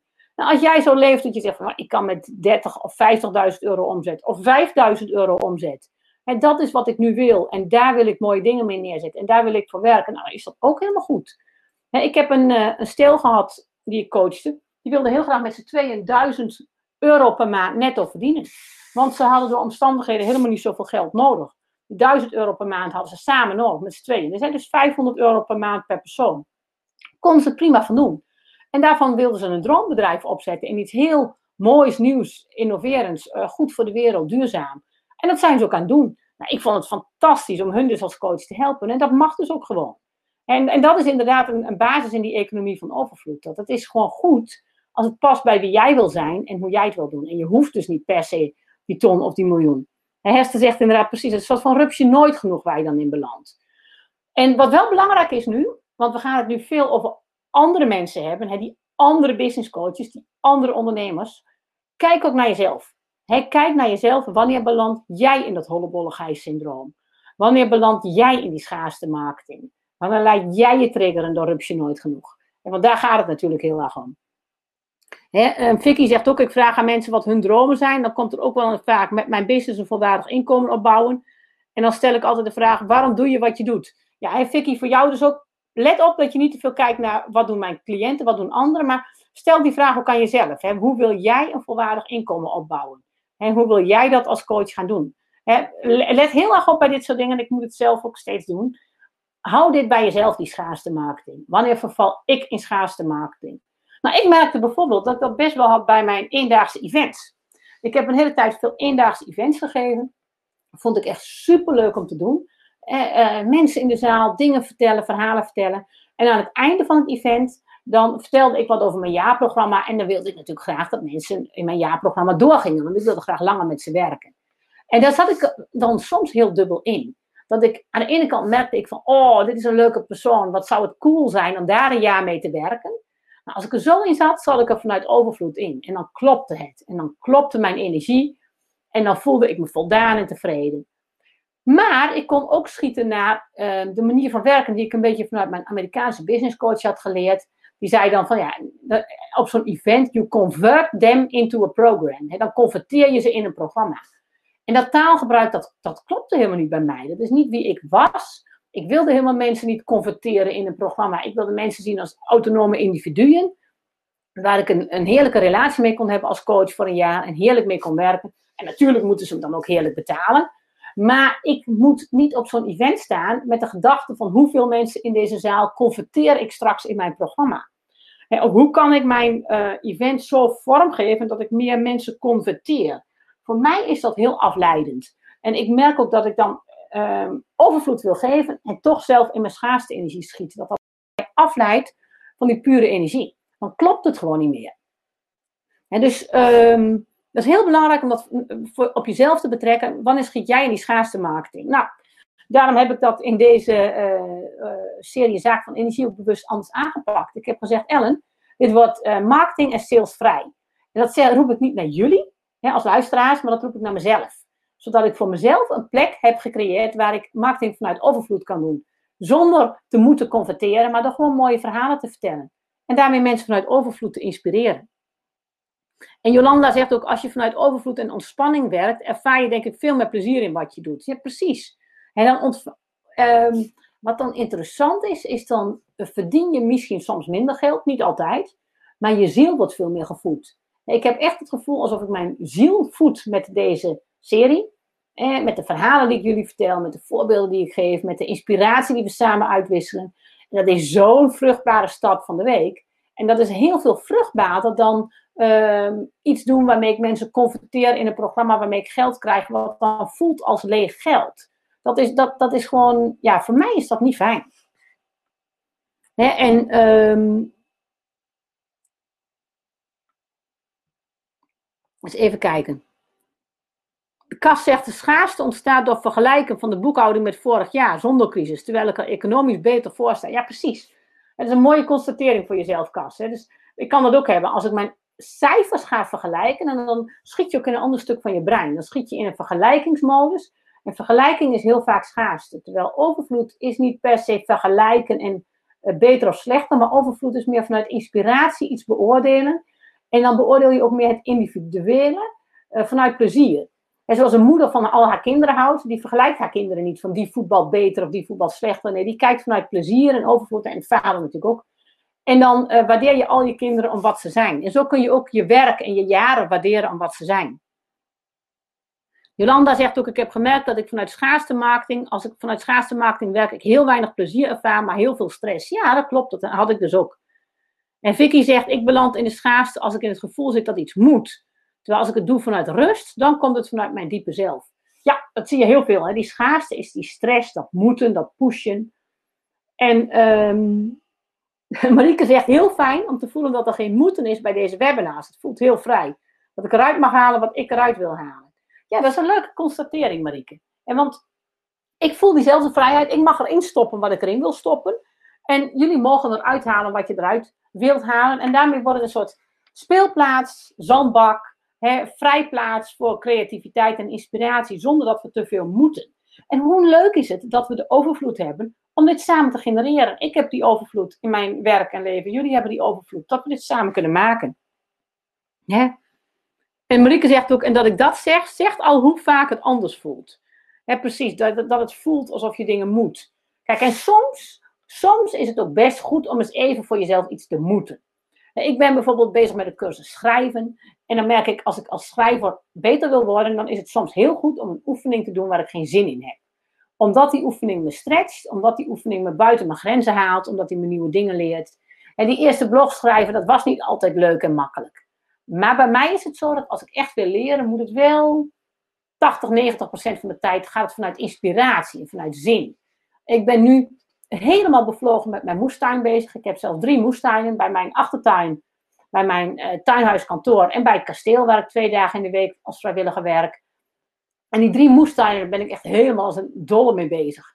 Op dit moment, hè, ik heb bonen voorgezaaid, pompoenen gezaaid, er zijn al bonen uitgeplant, tomatenplantjes uitgeplant. Continu uh, schieten me weer dingen te binnen. En ik lees daar boeken over, ik volg blogs over. En zo ben ik ook met dat bloggen destijds begonnen en met die business coaching. Ik was zo geïnspireerd en ik wilde alles weten. En dat wat ik wilde weten en leerde, wilde ik ook weer doorgeven aan anderen, zoals nu mijn energiekennis. En dan borrel ik als het ware over van de inspiratie en van de honger om te leren. Maar dat is wat anders dan ik moet dit, ik moet dat. En in dat uh, borrelen en bruisen zit soms wel even een momentje dat ik mezelf moet dwingen. Dat moet zeggen van, weet je Ellen, er is maandag een webinar, moet je toch echt op vrijdag wel even een paar slides maken. Maar in de regel gaat dat vanuit plezier en inspiratie. En is het, zeg maar, de verhouding moeten en willen is een beetje 80-20. Dat 80% is willen en 20% is moeten. En als dat bij mij andersom ligt, als het 80% moeten wordt en maar 20% willen, dan vervliegt die laatste 20% ook heel gauw. Wordt het 100% moeten en dan voelt het als één droge, dorre vlakte. Dus ja, soms moet je wel eens heel eventjes iets, maar bij mij is het niet fijn als dat stuk moeten veel te veel wordt. Dan zit ik echt in die schaarste. Vicky zegt, als ik in de schaarste zit, dan ga ik gewoon midden in de chaos even helemaal niks doen. En dan word ik heel creatief. Precies, die, die stilte, die rust pakken. En Hester zegt, en ik vind ze geweldig, jouw webinars op de maandag heerlijk. En Cas zegt, bij nieuwe dingen ervaar ik soms stress, maar als het lukt is de overwinning, overvloed. Hij vorige week mijn eerste webinar gegeven, nu steeds een stapje beter gaan doen. Ja, precies. Hè? Dus dan, dan voel je wel een soort van stress vooraf, maar dat is anders dan die stress van schaarste, nooit genoeg, dat hollebolle gijs-syndroom, dat je maar blijft rennen. En wat ik ook merk is dat die, die economie van die schaarste, dat hollebolle gijs-syndroom, dat nooit genoeg, hè, dat jij hebt een probleem, Um, daar zit heel, dus heel veel verkramping onder, heel veel adrenaline, heel veel stress. En dan zet je jezelf ook vast in een werkverslaving van stress. Dan, ehm, dan blijf je ook hangen in die stress. En op een gegeven moment weet je ook niet meer beter dan dat je werkt vanuit stress. En als je niet werkt vanuit stress en adrenaline, dan gebeurt er niks meer. En dan heb je jezelf dus helemaal vastgezet in die, die verkramping. Als je niet tegen een ander vecht om een padje van de taart, vecht je niks, vecht, doe je niks meer en ben je ook niet aan het creatief taartjes bakken. En dan ben je behoorlijk opgebrand. Nou, en dat kan ook heel anders. En vanuit die overvloedsmarketing kun je dat echt heel anders doen. En uh, daar wil ik nu met jullie naar kijken, want ik heb al een heleboel verteld over die schaarste marketing. Maar hoe ziet die overvloedsmarketing er, dan uit? En hoe is dat dan, die overvolle bloementuin vol overvloed en verbinding met elkaar? Nou, een hele belangrijk, uh, belangrijk iets wat ik merk bij uh, die overvloedsmarketing, is dat het niet draait om jou als verkoper, maar het gaat om die ander. En um, het ego is er dan ook veel minder. En natuurlijk doe je het wel vanuit jezelf, maar je doet het veel meer vanuit je creatieve overvloed zelf. En veel minder vanuit dat verkrampte ego, dat geld en status en erkenning en aanzien wil. En ze wel eens zal laten zien dat je wel wat waard bent. En het gaat veel meer om die ander. Um, je wil die ander keuze geven. Je wil die ander oprecht helpen. Je wil die ander een stap laten zetten. En dus die overvloedsmarketing, daarbij ben jij wel aanwezig, maar veel meer in een soort van verstrengeling met de ander. Dus je, je, staat niet op een voetstuk te vertellen hoe het moet. Ik, ik ervaar in die overvloedswerken ervaar ik veel meer een verstrengeling. En het leuke is dat ik dan ook altijd heel veel van mijn cliënten terugkrijg. En niet alleen in de zin van waardering of erkenning of geld, maar ook bijvoorbeeld inspiratie en goede ideeën. En zo had ik een paar jaar geleden Margriet in mijn groep. En uh, die uh, wilde een aantal dingen leren over het omgaan met geld. Dus dat kreeg zij van mij. Maar Margriet was bijvoorbeeld heel enthousiast over permacultuur. Wist daar heel veel van. Uh, vertelde daar enthousiast over tijdens ons jaarprogramma, tijdens de diners s'avonds. Ik raakte ook helemaal geïnspireerd. En dankzij Margriet heb ik nu die permacultuur achtertuin. Hebben we onze tuin helemaal laten veranderen in die stijl. Heb ik nu een permacultuurtuin uh, bij mijn kantoor die, die daar aan het ontstaan is. En werk ik nu uh, bij de moestuin op het kasteel. Dus die drie tuinen die ik nu heb, die me verschrikkelijk veel plezier en overvloed geven, die kwamen dus ook deels uit die verstrengeling met die klanten en die inspiratie die ik daar kreeg. Dat was heel veel meer dan alleen een relatie op basis van geld en uitwisseling. En wat ook leuk is, vind ik, van die, um, die marketing vanuit overvloed, die is heel vaak gericht op nieuwe mogelijkheden. Dus niet zozeer op het probleem, maar op de nieuwe mogelijkheden die iets geeft. En um, dit zie je ook grote bedrijven die goed zijn in overvloedsmarketing, zie je dat goed doen. bijvoorbeeld in de tijd van uh, Steve Jobs, de eerste iPhone. Die eerste iPhone, als je die, die presentatie op YouTube moet je maar eens terugkijken. Daarin vertelt hij niet zoveel over de problemen en wat allemaal niet kan. Maar hij laat gewoon heel erg zien wat er wel kan met dat ding. Hij haalt de telefoon uit zijn zak en hij zegt: Kijk, dit is een telefoon, maar het is ook een camera en het is een internetbrowser. en, uh, en een jaar later verzinnen ze daar ook de App Store bij met alle programma's dat derden op hun apparaat spullen mogen maken. En dus um, dat ging heel erg over nieuwe mogelijkheden, nieuwe werelden verkennen en nieuwe akkertjes aanplanten. En dat gaat niet over een padje van de taart. Het grappige is ook dat je analisten uit die tijd ziet die dat helemaal niet begrijpen. Er zijn analisten die een half jaar tot een jaar, telecomspecialisten die een half jaar tot een jaar voordat de eerste iPhone uitkomt, een analyse maken dat Apple de markt van de, mobiele telefoons wil bestormen, maar dat dat niet gaat lukken, want die markt is al verzadigd en daar is Nokia marktleider. Wie? Ja, Nokia, die hadden we toen nog. dat was een markt, daar kon je niks. Maar wat Steve Jobs, die snapte dat heel goed. Die snapte ook van, ik wil helemaal niet die traditionele telefoonmarkt bestormen. Ik ga een hele nieuwe markt maken. Ik ga nieuwe taarten bakken. En ehm, wat ook interessant is, is dat in die tijd je hen dus heel weinig push marketing zag doen. Ze hadden natuurlijk die jaarlijkse fantastische Apple events, waarin ze hun nieuwe dingen neerzetten. Ehm, maar ze deden heel weinig traditionele push schaarste marketing. Ehm, dat ding was er, en dat ding was er gewoon niet genoeg. dat was al een, eh, een punt. En daardoor was iedereen er gek op. Lagen lange rijen voor de winkels. Maar je ziet andere bedrijven, in, uh, zag je in tijd ook heel mooi dit soort marketing doen. Want andere voorbeelden van bedrijven die dit heel goed doen, vind ik Dropbox in de begintijd. Nu niet meer zo. Maar in de begintijd was Dropbox absoluut overvloedmarketing. In de zin van, uh, ze boden je een gratis Dropbox-account aan. Als jij iemand anders aanbracht van een gigabyte, als jij een ander aanbracht, kreeg je er allebei een gigabyte bij. En dus dat was, was voor jou en voor die ander volgens mij heel leuk. Of jij kreeg het in elk geval, maar het, het ging niet ten koste van de ander. Het ging alleen maar en je kreeg alleen maar meer. Dus zij waren ook niet pusherig, niet uh, heigerig. Het was vanuit overvloed. Evernote heeft hier ook een heel mooi businessmodel op zelfs. Ik heb daar een heel mooi verhaal over gehoord een aantal jaren geleden van de, de CEO van Evernote. Die heb ik mogen uh, interviewen. Ik heb met hem mogen dineren en ik heb hem een keer live bij South bij Southwest in Amerika gezien, een grote techconferentie. En wat hij vertelde is, hij zegt van ja, bij Evernote geven we heel veel van ons systeem geven we gratis weg, bewust. En we zien ook dat mensen dat vaak drie jaar lang gratis gebruiken. En dan hebben ze zoveel notities erin staan, dan doen ze zoveel in ons systeem. Dan gaan ze betalen en dan blijven ze ook hele loyale gebruikers die ons systeem snappen, die ons kennen en met wie wij heel graag werken. En zij waren ook heel erg gericht op die fans. ze zeiden van, we zijn er niet voor iedereen. We zijn voor mensen die eerst drie jaar lang Evernote hebben gebruikt, die het kennen, die stap voor stap het eigen maken. En dan gaan ze wel betalen aan ons. En op die manier kan het prima uit. Dus zij creëren ook hele mooie nieuwe mogelijkheden voor hun mensen. Een hele mooie overvloed. Ja, ik denk dat je dus enorm veel van, van, van Apple, uh, Dropbox en Evernote kunt leren. Wat, wat zij namelijk heel mooi deden, is dat ze kijken naar een nieuwe markt waar ze overvloed kunnen scheppen. Ze gaan niet concurreren met anderen om een padje van de taart. Zij kijken naar welke nieuwe mogelijkheden zijn er. Waar liggen kansen? Waar kan ik mensen helpen? en hoe doen mensen dat heel goed? En hoe, hoe kan ik mensen helpen met nieuwe mogelijkheden? In plaats van hoe kan ik ze een probleem aanpraten? En daarbij, als het goed is, draait het ook om de ander. Ik heb ook uh, bijvoorbeeld CEO's van, uh, van Etsy en van Airbnb gehoord toen zij nog heel klein waren. Nou, die eigenaren van Airbnb die begonnen ook vanuit die overvloed. Die, die zaten in een, volgens mij woonden zij in San Francisco, in een, uh, op een studentenappartement. En ze zeiden van bij ons zijn heel vaak grote events, hè, grote beurzen. En dan zijn alle hotels in de hele stad uitverkocht en heel duur. En toen dachten wij, weet je wat, wij kunnen best onze kamers verhuren. Dan gaan wij uh, onze kamers verhuren tijdens die grote congressen. Dan gaan wij wel bij onze ouders uh, op zolder slapen of bij elkaar op één kamertje in de slaapzak. En dan kunnen we die kamers verhuren voor die congressen. En met die gedachte hebben ze destijds Airbnb gebouwd. Nou, wij hebben slaapruimte over. In onze stad is slaapruimte tekort.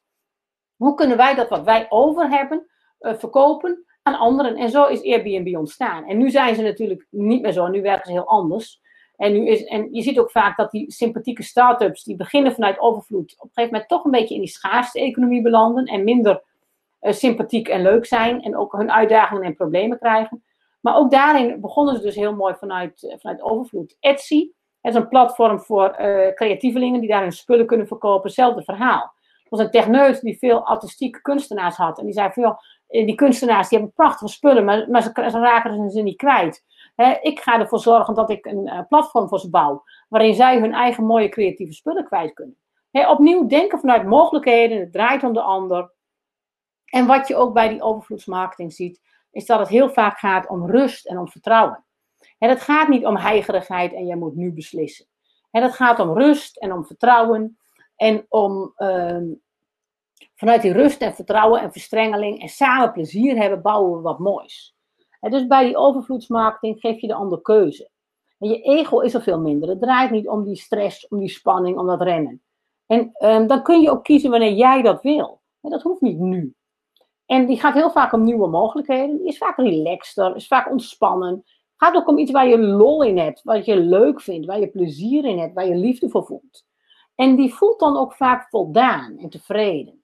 En dat is echt dat samen taarten bakken dus samen nieuwe markten maken, nieuwe dingen ontwikkelen. Maar wat bij die overvloedsmarketing wel hoort, is ook goed voor je geld zorgen. je, je geld negeer je niet. Want dat zie ik nog wel eens bij mensen die dan creatief zijn. Zeggen van ja, ik werk zo vanuit rust en overvloed, maar ik heb geen cent te makken. en ik heb er drie baantjes bij om rond te kunnen komen. Ja, dat is nog geen overvloed. overvloed is ook dat het geld goed stroomt en dat het geld voldoende is. En dat je je redt met je geld en daar plezier in hebt. En dat je dus ook goed zorgt voor je geld en daar aandacht aan geeft. Vanuit rust en vertrouwen. En niet vanuit angst en tekort. En dat je, dan kun je dus ook zelf gaan groeien. En dan voel je ook een soort van overstromen van je talenten. Dat wil je delen met anderen. En wat ik heel mooi vind, is die, die klant, die zie je dus ook niet als iemand waar je boven staat. Maar daarin heb je die verstrengeling. En dan voel je ook die passie en die liefde voor je klant, waar je mee samenwerkt. Je wil ook graag dat hij het goed heeft. Daar wil je het goed voor doen. En die wil je niet beduvelen. En dat hij er achteraf achter komt wat voor foute sales technieken jij hebt ingezet. En je wilt dat vanuit vertrouwen doen. Je ziet die klant ook als een volwassen partner. En die klant die inspireert jou ook. Daar leer jij ook weer veel van. En dus je ziet wel, die overvloedsmarketing, dat is een, eh, een hele andere uh, dynamiek. een heel ander gevoel, een hele andere energie dan die schaarste marketing. Um, nog één kenmerk van schaarste marketing, dat wat ik nog niet had genoemd, dat is dat, uh, dat reddersyndroom. Maar ook andersom dat jij een beetje klein gemaakt wordt. En dat klein maken kan ook met een soort van flauwe grapjes. Of een soort van vertekend wereldbeeld waarin de dingen net wat simpeler worden voorgesteld dan ze zijn. En dat vind ik een beetje het, het supermarkttoontje. Maar de supermarkten hebben, vind ik heel vaak dat toontje hebben in hun massamarketing en hun communicatie. Dan zeggen ze van ja, lekker duurzaam. En dan, uh, dan staat er iets wat in plastic verpakt is, of wat uit Spanje is ingevlogen, of wat helemaal niet zo duurzaam is. Maar dat doen ze een soort van met een grapje en een lachje en blij en vrolijk. En daarmee verdoezelen ze. Hè, of bijvoorbeeld onze appeltaart is lekker duurzaam van appels uit Nederland. Maar daarmee zeggen ze niet dat er heel veel suikers in zitten. Hè, of ehm, al die um, zuivelproducten die dan zogenaamd light zijn. Hè, met weinig vet. Maar wel met heel veel suikers en andere kunststoffen. Die helemaal niet zo gezond zijn. Nou, ik vind dat in die supermarkt zien, zie je dat heel vaak. Dan zie je dus bij die schaarste markten niet zozeer dat reddersyndroom van ik sta boven jou, maar wel ik maak jou een soort van imbeciel, onbenullig, uh, jij snapt het niet, uh, ik communiceer lekker simpel. Um, in plaats van dat je even uitlegt dat het, ja, hoe het echt zit. Dus daar herken je schaarste marketing soms ook nog wel eens aan. Dat jij als koper een soort van onnozel wordt gehouden. Terwijl in die overvloedsmarketing word jij echt als een volwaardig partner gezien. Evernote die neemt haar uh, klanten heel serieus want, want die werken al drie jaar met hun systeem en die willen ze hele goede ervaring bieden. En dan zijn ze continu aan het zoeken van waar klopt die ervaring nog niet en waar kan die ervaring beter. En als je dat ontdekt, hoe die energie werkt van die schaarste en overvloed, dan ga je dat ook veel makkelijker herkennen in aanbieders. En dan ontdek je ook van, hé, zo'n aanbieder geeft mij gewoon de tijd om ermee te werken, om eraan te wennen. Uh, maar die aanbieder heeft wel de boel op orde. Die aanbieder heeft wel gewoon een goede helpdesk. En die reageert wel op tijd op uh, aanvragen die gaat wel goed met zijn cashflow om. En dat is niet alleen maar dromen en uh, luchtfietsen.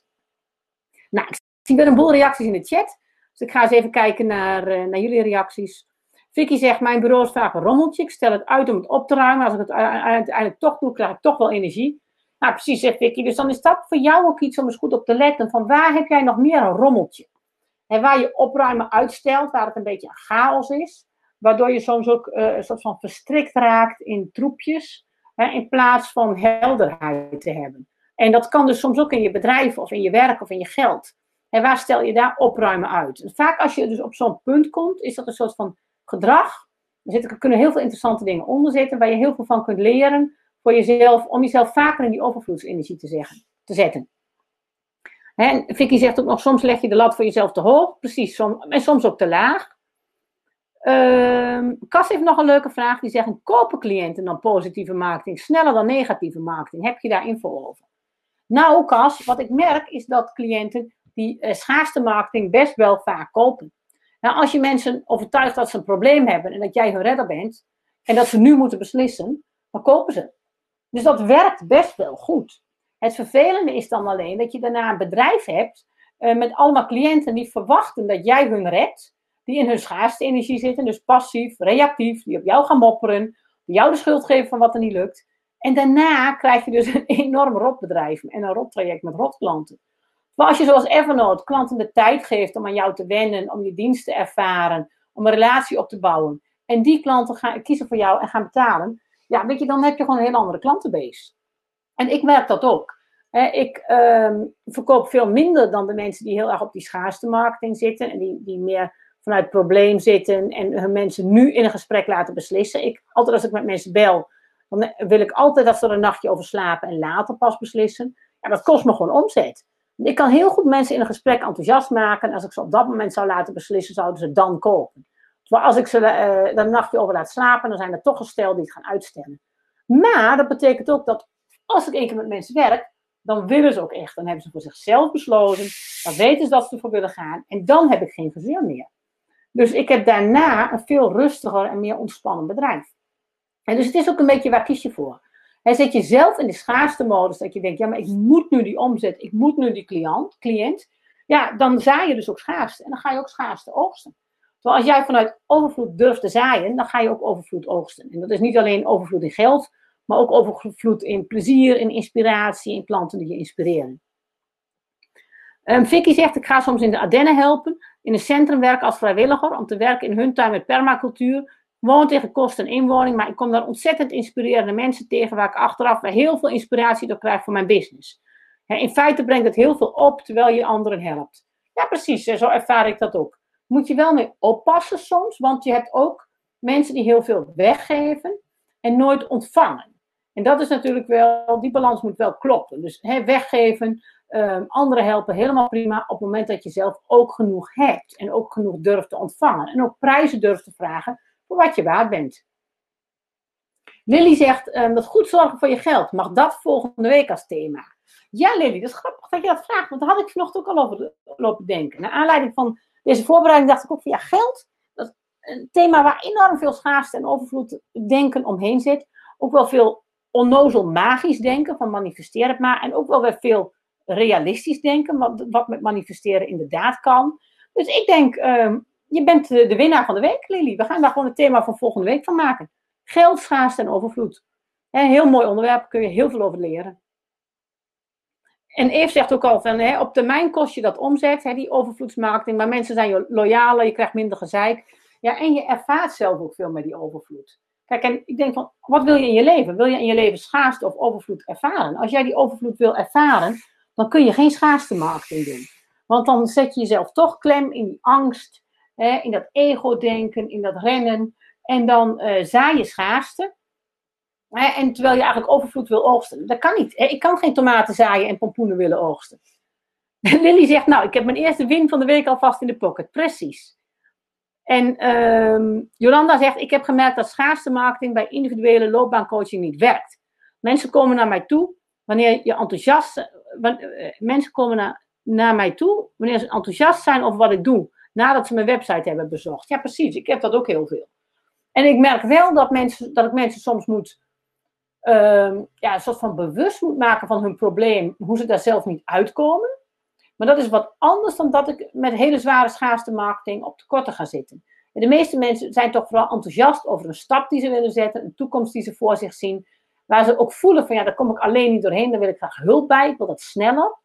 Um, maar dat is wat anders dan dat ik heel erg ga zitten op schaarste en jij hebt een probleem en ik ben jouw redder. En dat is een subtiel verschil. En ik denk dat we dat hele stuk van schaarste marketing, dat hebben we de afgelopen jaren enorm ontwikkeld. Je ziet dat er heel veel mensen uh, zijn die daarover praten, over vertellen. Die noemen dat niet schaarste marketing, hè? die noemen dat gewoon marketing, een effectieve marketing. Hè? Of marketing vanuit het reptielbrein. Um, maar we hebben ook een zoogdierbrein dat voor anderen wil zorgen. We hebben een, uh, een, een, spiritueel brein wat connectie wil voelen met het al. En als je dus schaarste marketing doet, dan ga je heel erg op die uh, reptielbrein angsttechnieken zitten. En dan ontwikkel je die heel erg. En ik denk dat we er nu ook aan toe zijn om veel meer overvloedsmarketing te gaan ontwikkelen. En um, overvloedsmarketing is niet trouwens iets alleen van nu hoor. Dat is van alle tijden. Want natuurlijk de eerste auto's die gemaakt werden en de eerste fabrieken, die werden ook gemaakt vanuit overvloedsdenken. Er waren toen heel veel arme landarbeiders die amper konden leven en die in die fabrieken een prachtig inkomen bij elkaar gingen verdienen. En op een gegeven moment sloeg dat weer om in vaste systemen en werd het weer meer schaarste. Maar Um, wat dat betreft is overvloed en nieuwe dingen genereren is van alle tijden. En schaarste is ook van alle tijden. en Jolanda zegt, helaas zijn alle boeken over marketing gericht op schaarste marketing. Over overvloed marketing zijn volgens mij geen boeken. Heel weinig. Um, daar heb ik ook naar gezocht de afgelopen week, naar boeken en artikelen over overvloedsmarketing. Daar is nog heel weinig in. Dus weet je, het is heel simpel. Dat is dus gewoon een onontgonnen gebiedje wat wij kunnen gaan ontginnen. He, die overvloedsmarketing, dat is volop ruimte. Daar zijn we allemaal naar op zoek. We willen dat allemaal anders. En dus laten we dat gaan doen. Kas heeft een vraag die zegt: werkt marketing bij verdrietige mensen in rouw?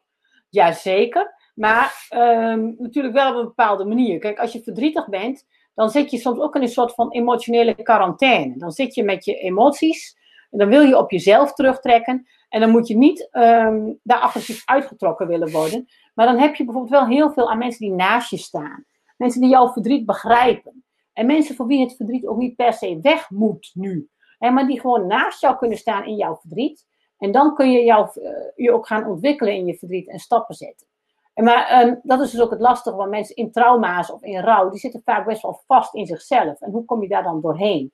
En soms moet je ook wel hun probleem snappen en dat aangeven. En ja, dus ja, dat werkt zeker, maar dat zijn dus wel, ja, het werkt op een hele speciale manier. Lily zegt, je kunt geen tomaten zaaien en pompoenen oogsten. Die is mooi. Zij is ook van de moestuin en een beeld ontdenken, dus onthoud die plaatjes en niet de tekst. Um, ik wil nog even kijken naar, naar de twee reacties in de chat. En dan heb ik nog twee vragen via de mail waar ik op inga. Vicky zegt, vroeger gaf ik te veel van mezelf. En dan haakte klanten uiteindelijk ook af. en dan voelde ik ook dat die klanten waarvoor ik mijn prijs verlaagde, ook niet de juiste klanten waren. En ze wilden er niet echt voor gaan. Ze bleven in hun slachtofferrol. En ik dacht heel vaak dat mensen geen geld hadden. En toen ik mijn prijs durfde vragen, betaalden ze zelfs in één keer en trok ik wel de juiste klanten aan. Dus eigenlijk dacht ik ook in beperking. Precies, Vicky. En dat is een hele mooie constatering. Hè? En dan denk jij in beperking, dan trek je slachtofferrol mensen aan. Terwijl jij mensen ook kunt challengen om die stap wel te zetten. Hè? En om in overvloed te gaan denken. Hester zegt dat wordt het thema van je nieuwe boek, overvloedsmarketing. Ja, nou eigenlijk um, gaan al mijn boeken daar al wel een beetje over. Want een zaak van fans gaat natuurlijk ook over waardevolle producten ontwikkelen voor je fans, met wie je op lange termijn wil werken. En zachtwerken gaat erover, een zaak van geld gaat erover. Uh, vanuit je hart werken en ook een zaak van jezelf gaat eigenlijk allemaal wel heel erg over dat werken vanuit die overvloed. Maar een expliciet boek daarover, wie weet. Nou, ik heb nog uh, twee vragen in de, uh, via de mail gekregen. Daar ga ik nog even op in. Twee leuke vragen. Heel herkenbaar, denk ik, voor een boel mensen van Cas. En Cas vraagt: teruggaand op het onderwerp van vorige afleveringen van, over media. Kas vraagt, wat kun je volgens jou doen tegen overprikkeling van indrukken van mensen en media en reclame? He, bijvoorbeeld in winkels tijdens de coronaperiode, maar ook overprikkeling door reclame op Facebook en op nieuwsites. Zijn er media zonder reclame? Nou, goede vraag, Kas. Ik merk ook dat met name uh, de marketing in de media mij ook heel erg ehm, in een bepaalde energie brengt die ik niet wil. En soms kan ik dat van me af laten glijden, soms raakt me dat toch. En wat ik vooral doe, is dat ik die media vermijd. Uh, op Facebook is dat vrij makkelijk, want op Facebook kun je reclames gewoon wegklikken. Je kunt de reclame aanklikken en dan kun je gewoon zeggen van nou dit is spam. Je kunt ook zeggen dit past niet bij mij of ik wil hier minder van zien. Want um, ik merk ook op Facebook, is, dat is heel irritant. Als je één keer in de targeting zit van iemand, krijg je steeds weer die reclames te zien.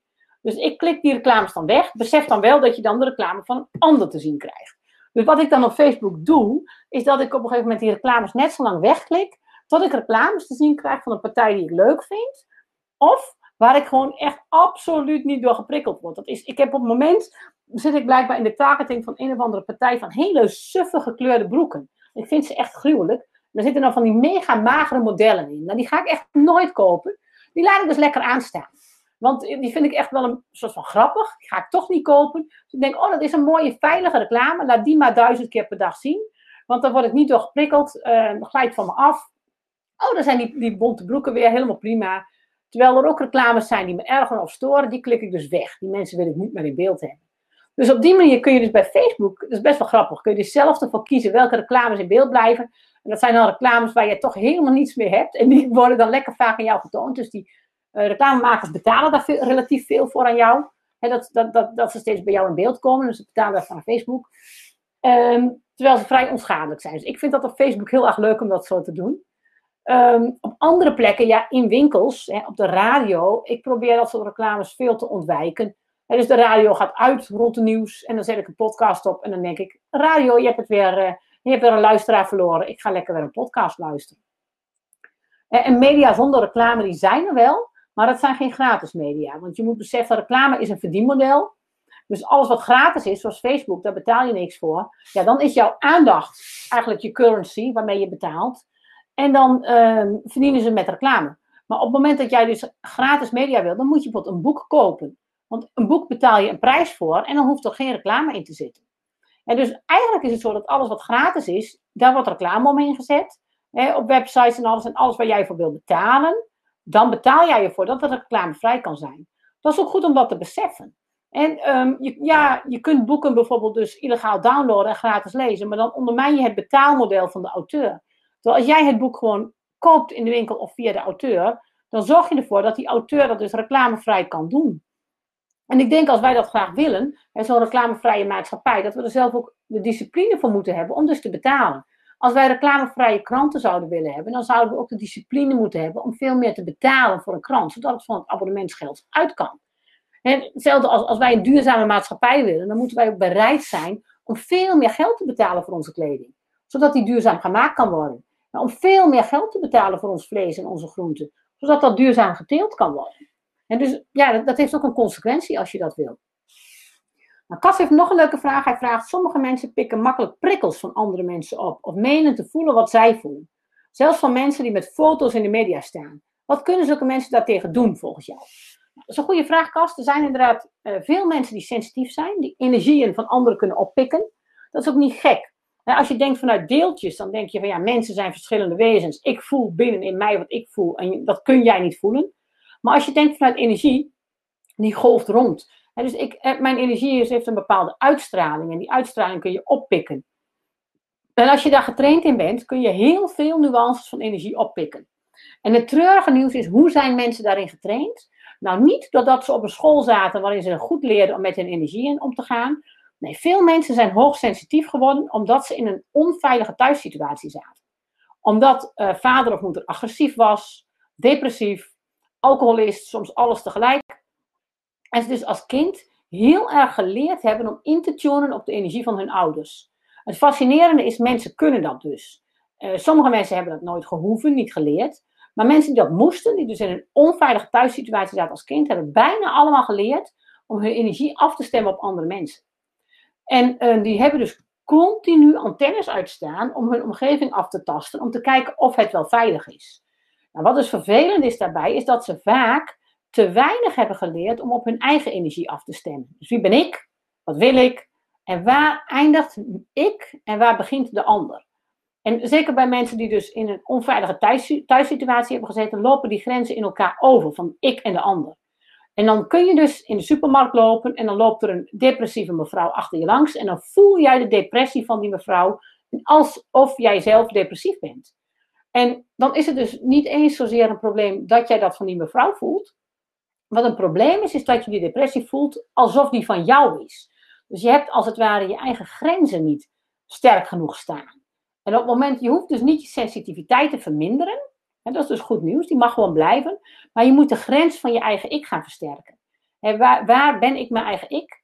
Waar begint de ander? Hé, hey, ik voel depressie. Oh, dat is van die mevrouw in de supermarkt achter mij ik lach even vriendelijk naar die mevrouw. En, ehm, maar het is wel de depressie van die mevrouw. Dat is iets waar die mevrouw mee moet leren dealen. Dat is de levensuitdaging van die mevrouw. Dat is niet van mij. Dat mag ik van me af laten glijden. En vaak zie je dan ook als mensen dat leren ontwikkelen. Dus niet die sensitiviteit verminderen. Maar dat die grenzen van het eigen ik versterken. En uh, als ze dat leren. En dat, hè, dat hebben ze dus als kind niet vanzelf goed kunnen leren. Omdat hun ouders er niet waren om hen dat te leren. Maar dat kun je als volwassene prima alsnog leren. En dat is wel een hele kluif en dat is niet zomaar makkelijk. Maar dat is wel iets wat je kunt leren en ontwikkelen. Dus je kunt jezelf gewoon gaan trainen in dat eigen ik sterker maken, die eigen grenzen sterker maken. Waardoor je nog steeds heel sensitief blijft op de momenten dat jij dat wilt. Maar waardoor je ook wat meer in je ik kunt zijn op momenten dat je dat nodig hebt. En dan word je natuurlijk superkrachtig. En dus het leuke is, je hoeft niet die sensitiviteit te verminderen, maar je moet vaak dat eigen ik versterken. Um, Hester zegt nog klopt. Ik herken de thema's wel in je boeken, over waar we het net over hadden. Um, Kas zegt dat kan toch niet in de supermarkt? Ja, dat kan zeker. Hè, Kas zegt ik ken mensen die de supermarkt niet meer indurven. En ja, dat klopt, maar ze durven de supermarkt niet meer in omdat het ze dus steeds overvalt. En wat ze dus kunnen gaan doen, is, is daar voorzichtig mee gaan oefenen. En dan hoef je niet direct weer uren de supermarkt in, maar je kunt wel zeggen, nou, ik ga beginnen met wandelen op plekken hè, waar ik me goed voel, in een rustig bos. Maar als er dan mensen op het pad me tegemoet komen, ga ik niet gauw een rustig paadje en dan ga ik ze tegemoet lopen. En dan ga ik heel goed voelen wat die energie van die mensen met mij doet. Maar dan ga ik me ook terugtrekken in mijn eigen energie. En dan ga ik ook mijn eigen energie leren voelen. En zo ga ik gewoon smiddags trainen. Ik ga het bos in. En ik ga bij alle mensen die mij tegemoet komen, ga ik hun energie voelen en mijn eigen energie voelen. En dan probeer ik mijn eigen energie vast te houden, terwijl ik hun energie ook voel. Nou, het leuke van dat soort dingen is, dan word je de eerste keer doodmoe van. Dat heb je met twee, drie mensen gedaan, dan ben je doodmoe. Maar dat is net alsof je aan het jongleren bent. Dat is ook, dat doe je tien minuten, dan ben je doodmoe. Dan gooi je die balletjes aan de kant. En dan doe je dat later op de dag nog eens vijf minuten en nog eens tien minuten. En binnen een week kun je dan goed jongleren. En zo kun je dat met deze energie ook heel snel gaan oefenen en leren. Dus steeds in blokjes van vijf of tien minuten, niet urenlang. En dan ook weer rust nemen. En dan weer tien minuten en weer rust nemen. En dan zul je merken dat je in hele korte tijd heel veel sterker erin kunt worden en dat in je eigen energie blijven, terwijl je ook sensitief blijft. En het, het interessante is dus bij hoogsensitieve mensen, is die sensitiviteit vaak niet het probleem, maar de grens van het eigen ik is het probleem, waardoor die sensitiviteit hen overspoelt. En op het moment dat je die, dat eigen ik dus meer ontwikkelt, hoeft dat sensitieve je niet meer te overspoelen, maar kun je nog steeds um, andere mensen aanvoelen. Wat je dan ook leert, is dat wat jij aanvoelt van de ander, is niet jouw probleem. Het is het probleem van de ander, waar die ander mee mag dealen in zijn leven. En jij kunt verkiezen of je daarbij helpt of niet, maar dat hoeft niet. En je hoeft niet alle problemen van iedereen in de wereld op jou te nemen. Daar word je selectiever in. En dan word je ook krachtiger om op een gegeven moment de verantwoordelijkheid te gaan nemen voor je eigen problemen en je eigen trauma's en je eigen uitdagingen en je eigen ontwikkelmogelijkheden. En je eigen talenten ontwikkelen. Dat is heel leuk. Dan word je minder meegesleept door de ander. Dus dan verdwijnt, ook die. Uh, dat meegesleept worden door de ander is best wel heel reactief. Dat overkomt je steeds. Omdat jij zelf nog vrij laag zit in die ik-energie.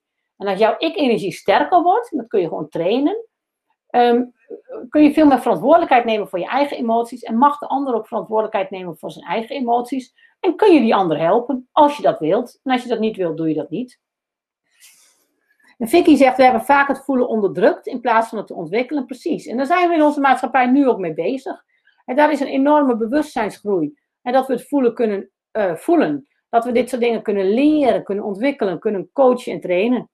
Marinka zegt, wat een fijn antwoord, dankjewel. Hè, Kast zegt van ja, mensen die de supermarkt niet meer indurven, zeker met corona. Ja, heb je longproblemen, hè, uh, ben je heel kwetsbaar, nou, dan is het misschien ook gewoon wel verstandig om niet te veel de drukke supermarkt in te gaan. Um, aan de andere kant zou ik dan zeggen, ga dan maar naar de biologische supermarkt. Als ik bij de Ecoplaza bij ons om de hoek kom, dan is het bijna nooit druk. Het is een piepkleine supermarkt, die hebben allemaal prachtige uh, duurzame spullen te koop. En dan haal je wat minder koekjes en wat minder frisdrank, weinig alcohol. Dan leef je wat goedkoper en dan haal je lekker duurzame producten in een rustige supermarkt. Uh, hè, waar het fijn is, waar het binnenklimaat veel fijner is. En dan zou het winkelen in de supermarkt wel eens veel makkelijker kunnen zijn. Maar goed, dat is, um, dat is aan die mensen zelf. Maar je kunt daar dus heel veel aan doen. En Vicky zegt ook, achter die sensitiviteit zit absoluut een kwaliteit. En het is dus ook goed om te weten dat je die kwaliteit goed kunt ontwikkelen en kunt versterken. En dat je daar heel veel moois mee kunt doen. Tot slot als afronding van vandaag. Wat heel belangrijk is om te beseffen is jouw energie. Is dus ook je bril, waardoor je die wereld ziet. En zit jij in de hoge energie, dan die energie bepaalt ook hoe jij die wereld ervaart. Ervaar je die wereld als actief vormen, als overvloed of als een passieve last als schaarste. En die energie bepaalt heel erg hoe jij de wereld ervaart en ook hoe jij je marketing doet. En zit jij zelf in schaarste, doordat jij jezelf hoge gelddoelen stelt, waar je hard voor moet werken en veel voor moet rennen, ja, dan ga je waarschijnlijk ook veel schaarste marketing doen, waarin jij de redder bent, hè, wilt zijn en mensen wilt overtuigen. En als jij jezelf in energie van overvloed kunt zetten, van nou, er is genoeg. Hè, ik kan ontspannen, ik kan rust, ik kan veel naar buiten gaan dan ervaar je ook veel meer die verstrengeling, verstrengeling hè, die liefde, die mooie dingen in de wereld. Nou, tot slot heb ik nog um, wat tips voor jullie. Want we hebben natuurlijk nog altijd de energieke media tips van jullie. Dus heb je zelf tips voor energieke media, mail me gerust en deel die. Um, ik heb een leuke energieke media tip gekregen van Mike. Naar aanleiding van de aflevering van vorige week over uh, overvloed, schaarste en media. Maaike zegt een hele leuke stroming is constructieve journalistiek. Dat is een jonge stroming in de journalistiek die focust op hoe het beter kan. Hè? En daar past bijvoorbeeld de correspondent mooi in, hè, Rutger Bregman. En ze zegt, Maaike is journalist, ze zegt, daar reken ik mezelf ook toe. Maar deze stroming wordt verguisd door veel witte oude mannenjournalisten die geloven in objectiviteit als hoogste goed. Ja, en vaak ook in kritisch zijn. In de journalistiek zie je een hele grote stroming die gelooft in kritisch zijn.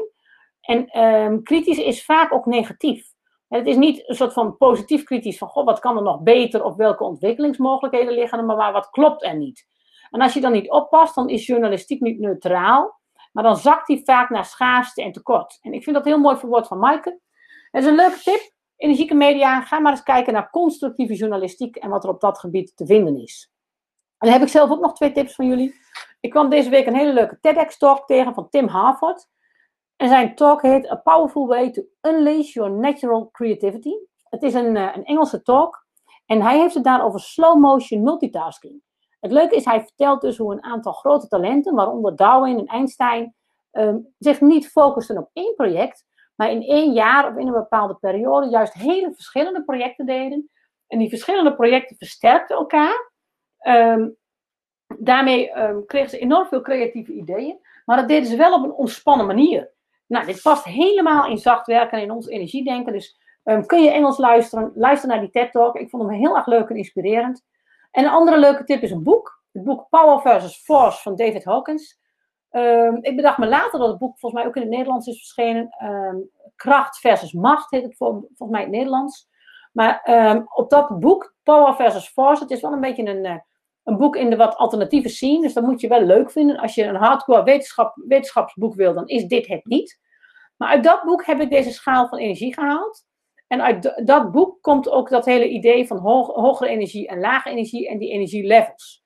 Dus het boek Power versus Force, hou je van lezen, is dat ook nog een, leuke tip. En hou je niet van lezen of ben je al druk genoeg, dan lees je het lekker niet. Helemaal niet belangrijk. Hè? Er is een overvloed aan mooie boeken, aan mooie media. Dus voel je niet overspoeld, net als met die kastanjes. Ze hoeven niet allemaal uit te komen, je hoeft niet alles op te volgen. Als er af en toe eens eentje ontkiemt, is dat meer dan genoeg. En dat was ook genoeg voor vandaag. Um, ik ga het webinar afronden. Ik zie nog een paar reacties. Ingrid zegt, dank voor dit mooie en leerrijk webinar Ellen. Dankzij deze webinars kan ik je boeken nu anders zien en beter begrijpen. Ik wil ze nog eens teruglezen. Het is al even geleden dat ik ze voor het laatst dag las. Dank je wel voor alles. Ja, leuk Ingrid. Vooral doen. Vicky zegt, interessant. Dat slow motion multitasking. Kas zegt, dank je wel weer. En uh, voor, Lily zegt dankjewel weer voor de fijne ochtend. Vicky zegt ook dankjewel. Violet zegt dankjewel Ellen, ik krijg er weer energie van. Mooi zo, helemaal leuk. Jolanda zegt dankjewel. Janneke, Hester, Jannie. Nou, superleuk dat jullie er allemaal weer waren. Maria, even kijken, Mark, Manja is het, ik lees het verkeerd. Het zijn hele kleine lettertjes, onhandig. Je krijgt weer vanzelf de, de link naar de opname. Deel dit ook gerust met anderen. Hè. Hoe meer mensen leren over die leuke energie en wat je er allemaal mee kunt, hoe leuker het is. Doe je volgende week weer mee. Dien ook vooral je vragen in. Ik vind het altijd leuk als er wat live vragen van jullie zijn, zoals die van Cas vandaag. Mail ze uiterlijk zondag naar info.zachtwerken.nl. En dan wens ik jullie vooral een hele fijne week vol mooie energie. Uh, Brenda en Remco zeggen super weer. Ik stuur je een boekentip voor het webinar van komende week. Ah, leuk, graag. Um, Gwendoline zegt, ik kwam er voor het eerst bij. Is er een mogelijkheid de vorige talks op te vragen? Jazeker, Gwendoline, die is er. Wat je kunt doen is, je kunt naar YouTube gaan. Daar vind je in mijn YouTube-kanaal uh, een video van alle vorige afleveringen. Maar je kunt alle vorige afleveringen ook eenvoudig terugluisteren als podcast. Via Spotify, via de podcast-app van Apple. En via alle andere podcast-apps die er zijn. Dan zie je niet de beelden, maar hoor je alleen het geluid. Uh, volgens mij was dit inmiddels aflevering 7. Dus je hebt uh, nog zes uur uh, te goed dan aan allerlei webinars, hè, podcasts over energie, over schaarste en overvloed, hoe dat precies werkt. We hebben het al gehad over heel veel leuke onderwerpen, dus uh, er is voor jou een overvloed aan leuke informatie, Gwendoline. Ga het vooral opzoeken. Ah, ze zegt dankjewel, super interessant. En leuk dat jij er vandaag voor het eerst bij was. Nou, ik wens jullie een mooie week. Vertel vooral ook anderen over deze interessante dingen als jij het interessant vindt. Want hoe meer mensen dit ontdekken, hoe leuker het is hoe meer we kunnen verschuiven naar de wereld van overvloed, die we lekker met elkaar delen en waarin we heel veel mooie dingen samen doen.